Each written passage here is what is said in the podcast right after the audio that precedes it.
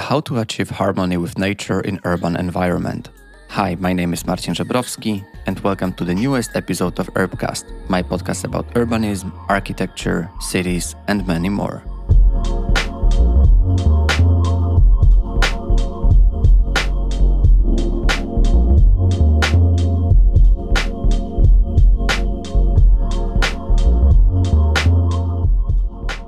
And today we will discuss about the nature, the plants, and its role in urban development. We will discuss the metropolitan metaculture, which is a philosophy that aims to create inclusive and sustainable environments in urban areas through innovative planting design. The MIMI approach incorporates all forms of plant cultivation and aims to include people in the transformation process towards a greener world.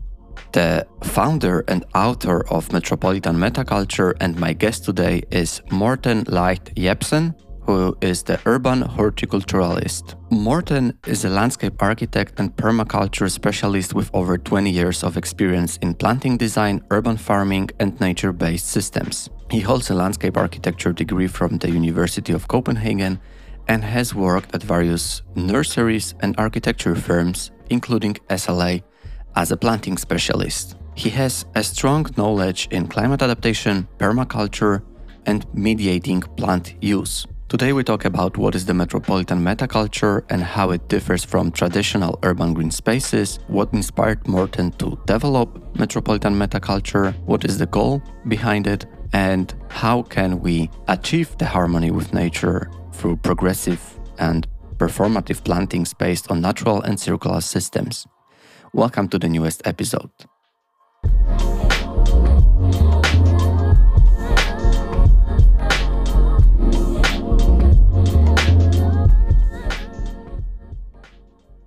Let me just start, Morten, with saying that it's very good to see you again after a couple of years. Yes. We managed to meet. I would be I would be pretty surprised if you remembered, but I was studying in Lund. I was studying the sustainable urban design, and you've been one of the guest lecturers. Do you remember coming to Lund? Yes, I remember coming to Lund, but that was at my prior job while I was working at SLA. Yes. So it was once a year I was actually giving lectures in Lund. So that's true. I hope that we we can also mention some of the of the approach you had uh, at SLA back then because uh, you've been working there for a couple of years actually and this is how I first uh, met you when you were presenting an, an interesting project of a landscape made next to a bank uh, headquarter. But what I remembered the most is that you've been showing us pictures of kind of before and after. So you've been emphasizing how important it is for the plants to have the time to grow. I think that you need to be very patient. So do you know how the how those trees look like right now? Is it like a ready product or or it will be never ready product? You talk about the trees at SEB Bank. Yeah. Okay, yeah. it depends a lot on how you perceive it. Uh, first of all, it is an SLA project, so I think that's worth to mention. But that project actually came up around the time when I was uh, when I started at that company, where I had like ten years of uh, experience, and also saw the company growing to uh, the extent that they are that they are today with uh, more than 100 people. That's an amazing transformation, and that's also the case for the specific project here that you mentioned. SEB Bank that is, as I perceive that specific project, what is unique about the project is very much that you that if you take away the building, you will actually miss part of the landscape. But if you take away the landscape, you also miss part of the building. And that's kind of unique with that specific project. And what they also did in that project is that they actually ensured the root volume to to be able to extend underneath the concrete. Mm. It's in situ concrete on the entire site, and there's actually a parking lot underneath. So it's actually possible to build in concrete, but also provide a sufficient number of, of trees and greenery and plants. It is possible, mm. but if you take a little deeper look into it, you will also see that there, there's some challenges with this because when you have these roots of the trees growing underneath, you will also see when they then die that it will happen eventually. Mm. Some trees do die for different reasons. And then if you cut it down, as is the case also in this project, it's really, really hard to replant something new in there. So that's one of the challenges you will also stand with. So it's about thinking the entire way around all these projects, how to both have an idea that fits into an overall concept mm. and and make sure that you actually know how to maintain it long term. Definitely would love to talk about the challenges in a minute, but first I would also uh, I would love to share your background with the listeners of this podcast because you are not a landscape architect as such even though you have the landscape architect education from the University of Copenhagen, but you have been brought up uh, among the trees, one can say, because you've been getting your experience in the nursery. Because you've been the nursery gardener. Could you just share something more about this very particular background that you have? It is true. I'm not. I'm not like a strict landscape architect as such. My interest started in plants, and it's just to wrap it all back to my childhood. I was actually this uh, strange guy that didn't want to play soccer. we were just play. We were just talking about soccer before. Yes. I never really played soccer as a kid, and and I never really understood what was so interesting about. Uh, I mean, like having a ball in, in in between two sticks, because I found it. I found it way more interesting to look at the flowers that were in the lawn. So plucking these flowers and giving it to my mom, and she called me a flower child. so I actually, rem- I actually remember, I really recall doing that since uh, a very early age, and it gave me a very, I would say, calm and, and pleasant feeling just being in nature, being in contact with nature, and doing something with nature. I've actually found the best flower fields for the specific species. Also found a field I remember where you had uh, like uh, what did they call like fall clovers mm. uh, the ones that bring luck. Yeah. They were growing in abundance. I even have found like uh, five clovers. That was natural mu- mutations. Double that, luck. yeah, maybe it's a double luck. I don't know. uh, but my mother, she has framed some of them uh, and still having them up hanging. So that's kind of fun. And I did that from a very young age. And I was always very determined, wanted to working outdoors. That's not the case all the time anymore. I started out as a gardener, working in nurseries learning to know the trees, learning to understand the different cultures, as they're called in uh, in the nursery, getting understanding of uh, where can one grow instead of another, and uh, and what can they contribute with mm. Uh, for us as people and for nature overall. But uh, I also wanted to work with it, so I've also fastly understood that uh, you cannot affect so much when you are working in the nursery. Maybe you can affect the plants and yeah. so on, but but very often you just sell them and you mm. don't know where they end up. And that's the case still for many nurseries today. They sell a lot of products, sell a lot of plants. They never know where it ends up. Could even be some of the nurseries uh, supplying uh, some of the larger projects that you do here, in Larsen, maybe. They wouldn't know that they contributed with that. Uh, so, that's the case sometimes. So basically, would you say that the, the stage one, or maybe it's even stage zero of every architecture or like landscape architecture, especially project starts at, at nursery? To some extent, you could say so. I would I would go as far as saying that you could, uh, if you want to be sustainable, then it starts with your suppliers. So if you look at the landscape supply chain and more specifically softscape, that's where my interest is, and that's all the work that I'm doing. That's within softscape. I want to to remove hardscape part. So many excellent, skilled people doing hardscape everywhere. But softscape is uh, is this new thing. Not really a new thing, but it's in, it's more new that we start to address it and start to talk about it now. Mm. And it seems like it, it's where you want to find a solution for many things. So I'm concentrating on on, on softscape and and as I try to put it, I want to create the sophisticated uh, value to the frame. Mm. I mean, like sophisticated content to the frame, to the framework of the of the architect. So there, my background in gardening also, of course, is is a great advantage because I understand how you produce stuff and how the entire exchanging of uh, of values within that environment is. It's not always that you can just plot in what you exactly need from your mm. factory such because it's it's not working the same way. Or at least many nurseries are not. Is this is why you call yourself uh, not a landscape architect actually but urban horticulturalist.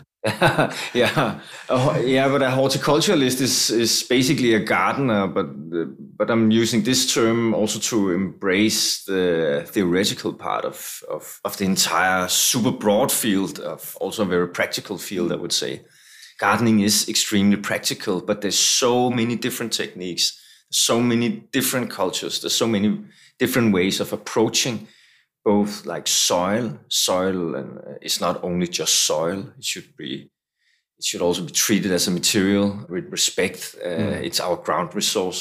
That's a whole chapter for itself. But then there's also many different ways of treating the plants, and how, how to work with them, you could say. I mean, like cultivation in its basic form uh, actually means that you take something from nature and, Yeah. and start to refine it and, and make it better in some way or another for, for some kind of purpose. I also like the saying I found on your website that as soon as you take nature and start to cultivate it, it becomes culture. I think that this is important to understand that whatever uh, kind of contact and influence we have with the nature, it stops being nature, right, in its purest form. Yeah, uh, I mean that's an ever ongoing discussion, I guess. I mean, I'm, I'm not a philosopher, philosopher as such, uh, though I like philosophy. But yes, uh, I would say that you're right on that. Yeah, something happens, and very often now we are working on at Mimi or Metropolitan Metaculture, or just Mimi because it's it's easier.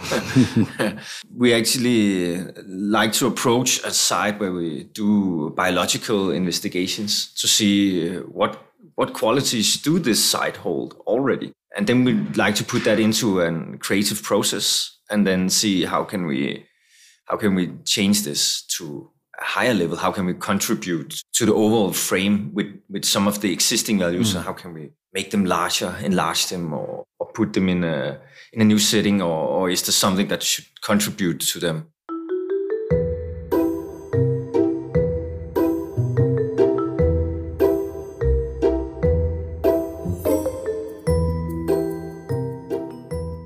Again, you are kind of one step ahead of designers who would come to a, to a given place and would start having a vision and analysis because you said that you start with the soil and you start with everything that's there with the kind of biological analysis. To me it's really like trying to understand the place in a sensible way. Yeah it's the soft values. It's softscape and it's the soft values. It's it's a more sensible way you could say so yes. So it's not the traditional site analysis. It's more Yeah. it's an, a biological analysis where you where you go more in depth with uh, okay here's an interesting found of of a single species. Why is it here?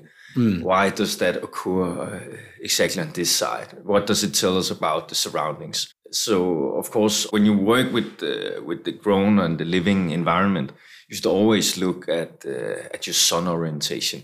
You should look at your participation. You should look at your yeah neighboring buildings and, and so on especially if you are in the urban environment. There's so many factors that are actually influencing your site.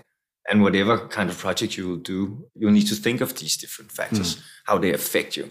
And then also try to see some of them as assets that you can then work with instead of try to desiccate it out or something. So sometimes it's important uh, not what you build but what you don't build over basically. Would you agree? Yes i do agree. That's a tough discussion to have with architects. Always. You could always argue if, if the most sustainable building is the one that is not built of course many things around it. But maybe tell me and the listeners from uh, from your perspective how do you approach the built environment in uh, mimi? You do work within urban environment Yes, and that's because of I like the urban environment. I live in the urban realm myself. I live in the city, yeah but uh, I also love green. I love nature and I love plants, and I have a, a quite vast knowledge on the subject as well. And I've been lucky to work with it internationally as well. So not only here in in Denmark. I always trusted that this is the right thing to do. I mean, like thinking of our green environment to, to fit into our built environment to some extent. But now it seems that uh, everybody else is also getting that idea. So, so why not work with all these guys, so to speak? but i think it's a good tendency that everyone is, is trying to to be up to speed if Yeah. it comes to those matters Absolutely. It is a good thing. And now you can also see the certification systems is actually starting to embrace it. Now it's possible to work with even biodiversity having a DGNB certification. I mean, that's a very positive fast forward, I would say, on, on a more green agenda in general, that you start to address it. Because if you have it in within a point score system, then people will also aim for it, at least sometimes. Hmm. So that we put it more and more on the agenda. And you can see there's a lot of stuff going on with life cycle assessments and uh, and materials in general right now. We do not only have like biodiversity crisis. There's a crisis on almost any subject now. Yeah. There's also the sand crisis, and that's due to we are constructing so many houses in concrete. Uh, so now islands are disappearing around the world because you want to get you want to get your hands on the last sand left.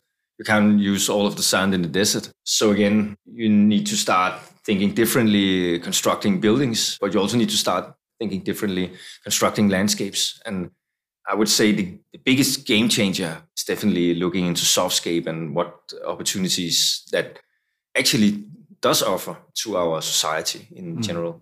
Can't not ask you this question because we've been discussing about how can you approach the, the built environment and the projects and i see that you have of course like a very very big overview luckily because you have both this education of landscape designer landscape architect but also the horticulturalist so someone who was spending hours in the nurseries with trees do you think that one can be a landscape architect without this vast knowledge about the plants that is the case today. Of course, you can. You can. Yeah, you can, or at least many are. I've met, I've talked with with many different landscape architects, and I met those who were like very very knowledgeable about plants yeah. but i also met those who were more into the design who were more like as urban designers yeah. without any knowledge about the plants and they they both are trained as landscape architects right yeah that's true that is true. It's a quite wide field, I would say. Yeah. Landscape architecture is quite broad. If I go back to to the team I was studying with at the university in Copenhagen, they're doing uh, they're having very different jobs today. Though the majority is engaged in in the architecture businesses or landscape architecture. Mm. But I also do know that not all of them know about plants, mm. and many of them do not even hold like a larger interest in it either. It's a transdisciplinary field, and now I'm just trying to say I want to work with softscape.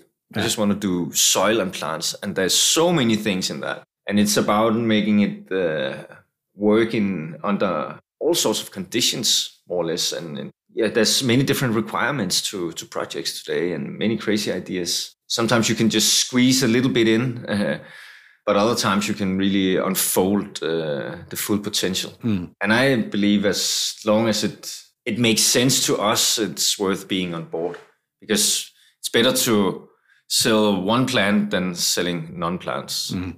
How to put it? Yeah. okay. It's uh, it is about education as well, I would say, and that's why I, I really wanted to get your opinion about this topic, about uh, the education as a landscape architect. It's also a little sensitive topic in some ways because one thing I've realized working with both architects and landscape architects and never really had the designer myself in the stomach. I never wanted to be the one doing the overall design. Yeah. I do have an opinion and I do see things.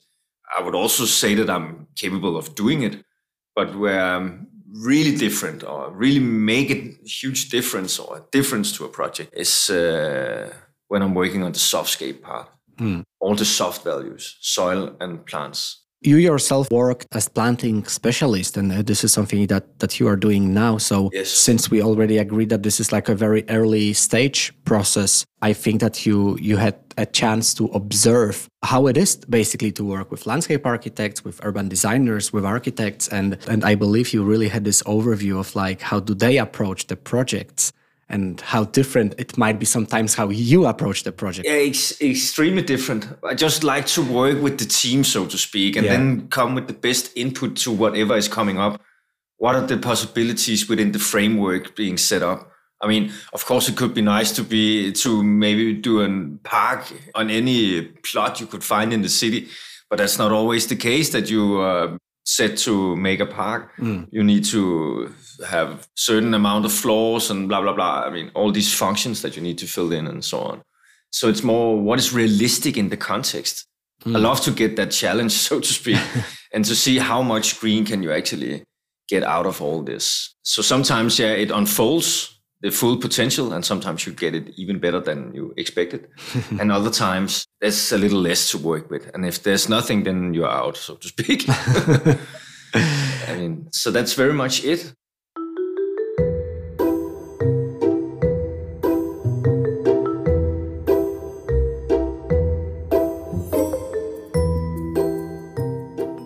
I would like to discuss also the term metaculture because this is something that you are basing your current work at Metropolitan Metaculture. And I think that it would be great if you could help us to understand the metaculture. Could you say what is exactly the definition of metaculture? That's a good question. It's a rather versatile subject. I mean, it's quite broad in its definition, but as we perceive it, or as I perceive it, it's uh, culture in its essential form actually is taking something from nature and and making it better for a certain purpose. And metaculture is also all of our different cultural forms of agriculture. It's uh, silviculture that is like that is forests, and then it's also horticulture, of course, that is more around gardening.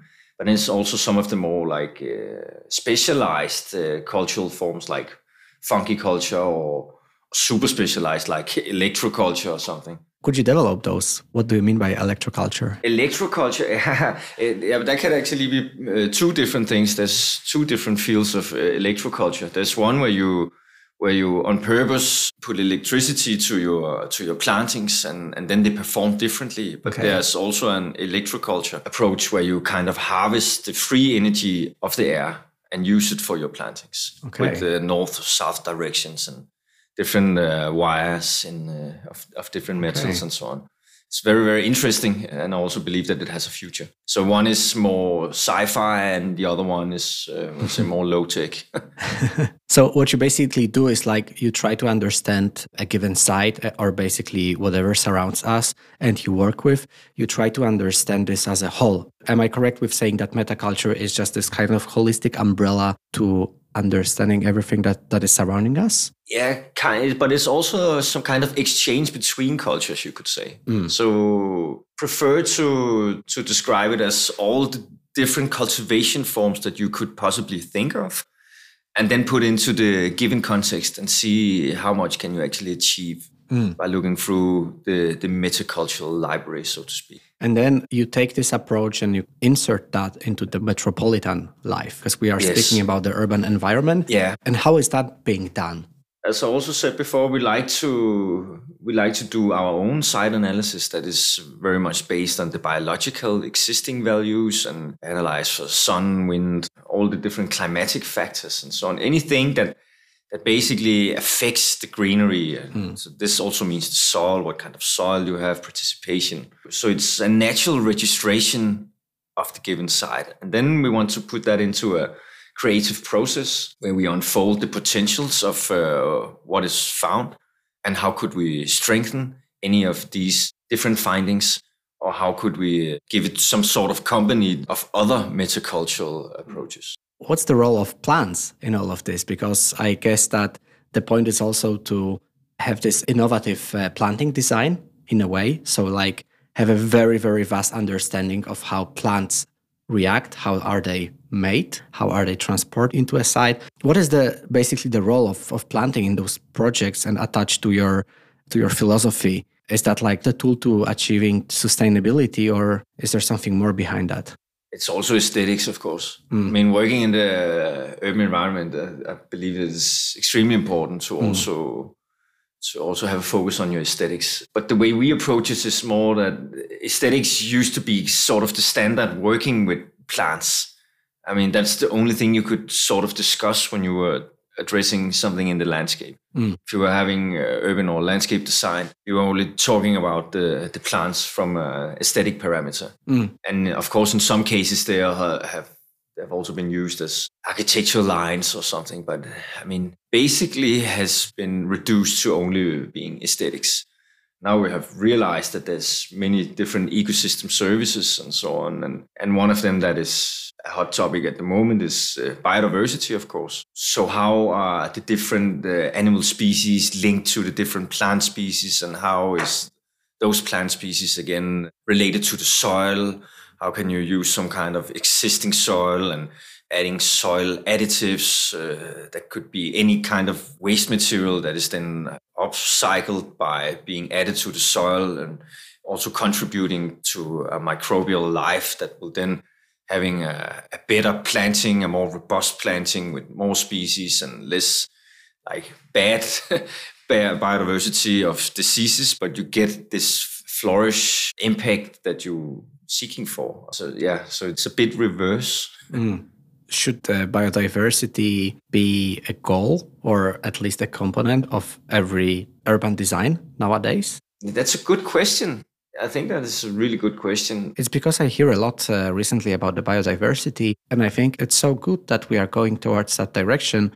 But if we could think of like an examples that maybe the biodiversity is not this holy grail. I'm not sure it's always the holy grail, but of course I like working with the topic, and I also do believe that if you if you kind of aim for biodiversity in a landscape project, then you have achieved something. Mm. That's for sure, mm. because you can't achieve a high level of biodiversity unless a certain amount of factors has also been fulfilled. So there's a lot of check boxes that you could wing off by having biodiversity as a focus. Mm. I'm, I'm quite convinced of that. But again, I mean, it's not greening your balcony that is saving the planet, so to speak. I mean, what is that then? it's a broad question. Ah, it's a broad question because because it's uh, a lot of our very interesting biodiversity is actually in our forests and, and our and our land outside of the cities. But the but the city offers an environment that that is possible of becoming more biodiverse. But you also need to solve many other issues at the same time. The reason I brought the achieving the sustainability through innovative planting design is that you say that the philosophy of uh, MIMI, of metropolitan metaculture, is that humans can be just as beneficial and a factor in the ecosystems of the world as we are today destructive. And I couldn't agree more that we tend to develop our cities and we i think that we are still uh, very egoistic human beings so we are trying to develop everything so it needs to to a certain level of our comfort and needs but here you say the opposite that you are hoping that humans can be as beneficial and uh, being this factor in ecosystem as we are destructive today Actually, I believe we can be, but it's also very human not to be. so that's the case. The reason uh, it's actually interesting that you mention it.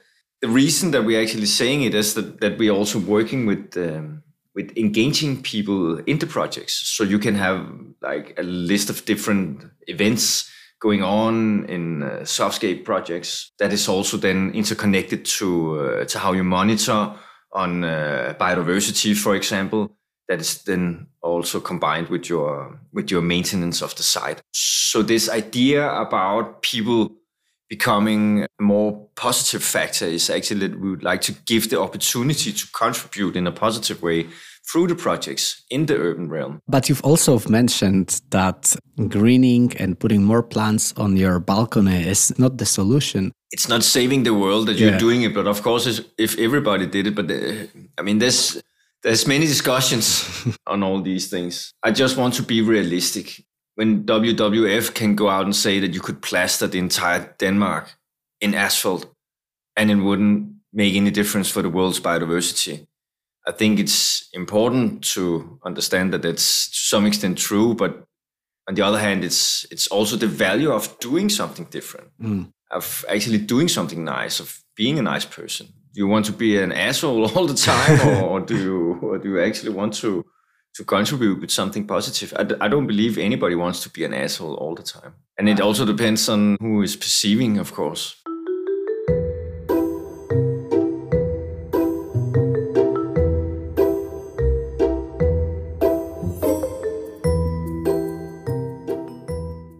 I'm an optimist, so I hope that it's not the case. But I also brought this balcony again into our conversation because, and also we discussed biodiversity. And I, I do realize that it, there is this overall tendency that people are getting, regardless the country, they are getting more and more aware of the role of the greenery, especially in the urban realm. And we do have or we do hear more and more about urban gardening and green roofs on the buildings, and also some legislation follows, as in France. So it feels like we are on a good track, but at the same time, are we? I'm not the right one to answer that. uh, what we can offer is uh, different solutions where you can at least go as far as possible within the given conditions when you talk about the softscape. Mm. And that's the green sustainability. And if you do that part right, then then you have done many things good from the very beginning. And the larger amount of your project that you can make cons- consists of that, the better. I'm asking you, you as a horticulturalist, as a plant specialist, is that enough? Do you think that overall it's a good tendency that we have more and more greenery? What would you say, in your opinion, as, as someone who knows plants really well? It is a wider question. Of course, if you really want to be sustainable, uh, I mean, it also depends on your purpose. Do you want to be sustainable in a way where you want to be self sufficient? or, or do you want to be sustainable on the parameters given in a certification system? I mean, there's two very different approaches, I would say, in many ways, but both can learn from each other. Maybe if you want to be self sufficient, it still makes sense to buy the bread somewhere because you don't want to be self sufficient on, on flour, for instance. I know some people that are self sufficient with vegetables during the entire summer and start autumn, and then they have meat the entire year as well. I mean, mm. that's kind of their self-sufficient level. But as they say, it feels like they are self-sufficient all the time. And I find that extremely interesting because then they're not stepping out of society as such, but they like to do some things on their own. And when it comes to a building, it depends on what is the material. Is it made of wood or is it made of concrete? Or, Mean, there's there's some kind of life cycle assessment here that you need to take into account, I guess. but uh, I mean, if you look at nature, the investment in having a, a, green facade is the same amount of hours spent or resources spent on that could have maybe been a, a large garden somewhere else. And I don't say that one is better than the other. Yeah. But it's very much a matter of focus. What is the aim? I'm aware that you can't give me the answer on behalf of everyone. And I know that some of the questions were pretty general, but uh, I also want to kind of pick up your brain a little. Let's now come back to something more on the ground and something that you have influence over. Because just to summarize your work at Mimi, I feel like you are pretty aligned if it comes your whole process of work because it's not only the planting, it's not only the concept, but uh, you also have different experience if it comes to schematic design, detailed design, tender and construction, and also management and, and planting establishment. Could you share an example of your project? Yeah, I could talk a little about how we work. We're still rather new started and we are working on actually a quite broad variety of projects but none of them are completed yet. Mm. so to talk about the process is actually more relevant right now, I mm. would say. Yeah, and it's it's very much about analyzing the existing site. Of course, we do have first of all maybe I mean collaborators for us is is mostly private developers or, or architects, not so much landscape architects, but more mm. architects, and that makes a lot of sense to us, and uh, especially working with the certification systems mm. and. Uh, exploring the possibilities of uh, implementing a level of biodiversity at the same time as creating environment for, for people in the given context. I would say that on an overall scale actually frames quite well what we're doing, solely doing softscape in landscape. And that also gives a more, what could say, um, interesting um, border between uh, your collaboration than than I have been used to before, where you, I was doing the entire landscape, also the hardscape and lighting and, and stuff like that. Where now it's solely softscape, and mm. so what I've noticed is that the architects, it's easier for them to like come out of the houses, so to speak, yeah. and and start to have an opinion about uh, landscape. And a lot of landscape is is designed by architects. Mm. Let's be honest, uh, that's the case. It's not always a landscape architect. Yeah. So what is very often needed is somebody who can actually stand up for the values of the living and organic world, the green biological values that we have around us. Yeah, so so that's what we offer, and that's what we mm. do. For now, it's uh, quite uh, positive collaborations. Yeah do you advise to your collaborators or clients that the investment into plants is the best investment possible? Uh, very often don't need to say so. I think there's a broad understanding of mm. it's a rather small investment uh, compared to what you achieve. I mean, it's it's not the highest post on the budget, but the issue is more that it tends to come in too late in the projects, maybe, or somebody didn't really think of it, or the entire budget was spent on something else. It's not because that it was too expensive what you did. with the green or in your landscape design. Yeah, so it's we're trying to offer a qualitative uh, consultancy through the entire phases, as you also mentioned before, starting with the idea and the concept, and then uh, bringing relevant material to uh, to the project uh, mm. whenever it's needed through the entire process. And that that could be a very very specific uh, real estate development, could be uh, urban planning, but it could basically also be the backyard. Or we are also engaged in some communities actually outside the city that would like to to have a green foundation built up around their, their little community mm. on farms and so on. So that's quite broad field, but it's always bringing the the same relevant material to to the projects. And since we we talk about uh, the investment and cost, I was wondering, is that possible nowadays to know how much does it cost to plant and then develop a tree? because we also started our discussion around the, the process the trees and the plants that end up growing somewhere in a project they came from the nursery and so on.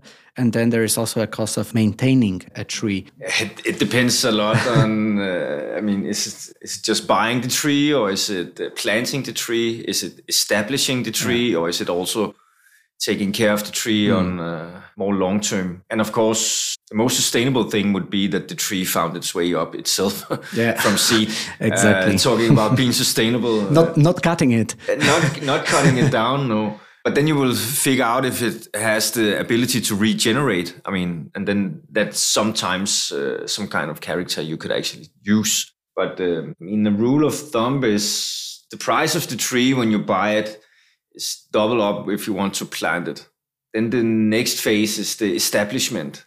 Mm. I mean, and that's the first years when the plants they come from the nursery, they have mm. been nursed to a certain stage, and then they are kind of let out in life afterwards. So they need to to adapt to the site, and that usually takes somewhere between two to five years, depending mm. on if it's whether like huge trees or if it's something that you sow from seed or i mean there's many different plant species and there's many different plant qualities that you could buy them in i mean a tree that can maybe reach 40 meters of height can can be bought somewhere between 20 centimeters mm. or as a seed or and up to maybe 15 meters in reality in european nurseries so so it's a tough it's a tough question because you have you more or less have all opportunities mm the opportunities are out there. They just need to be explored better.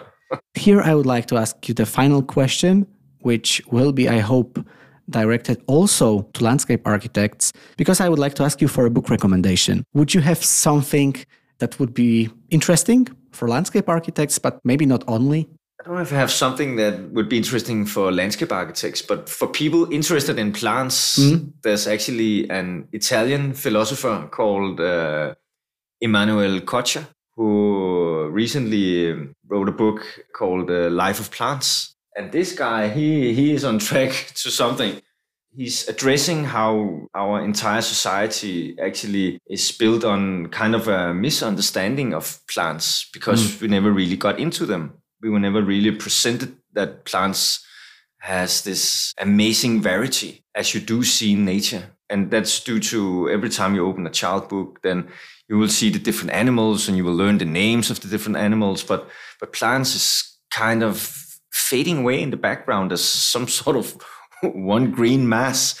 And, and people can't really distinguish between them. Maybe mm. you know you, but you do know a banana, you do know an orange, and do know an apple, and so on. That's because you eat it. But the, the actual relation to the plants and how they grow and the environment or natural habitats and so on, uh, people absolutely has no clue today unless they grow up under such conditions where yeah. you, where you where you get this knowledge of course there's many people that has it in different ways mm. metaculture again right but that's a very good book where he's talking the talk of plants i would say in a sophisticated way so that would definitely be a book recommendation for me thank you very much for this recommendation morten i hope that it will be very useful for the listeners, even if they are not landscape designers, landscape architects, but to everyone who loves plants. I will add the link to the book in the description of this episode. And uh, for now, I would like to say thank you very much for sharing all your knowledge about the plants, about landscape design. And about the importance of plants, as you also emphasized with the book recommendation. Thank you very much. It was a pleasure to meet you and uh, being a part of your program here. Thank you.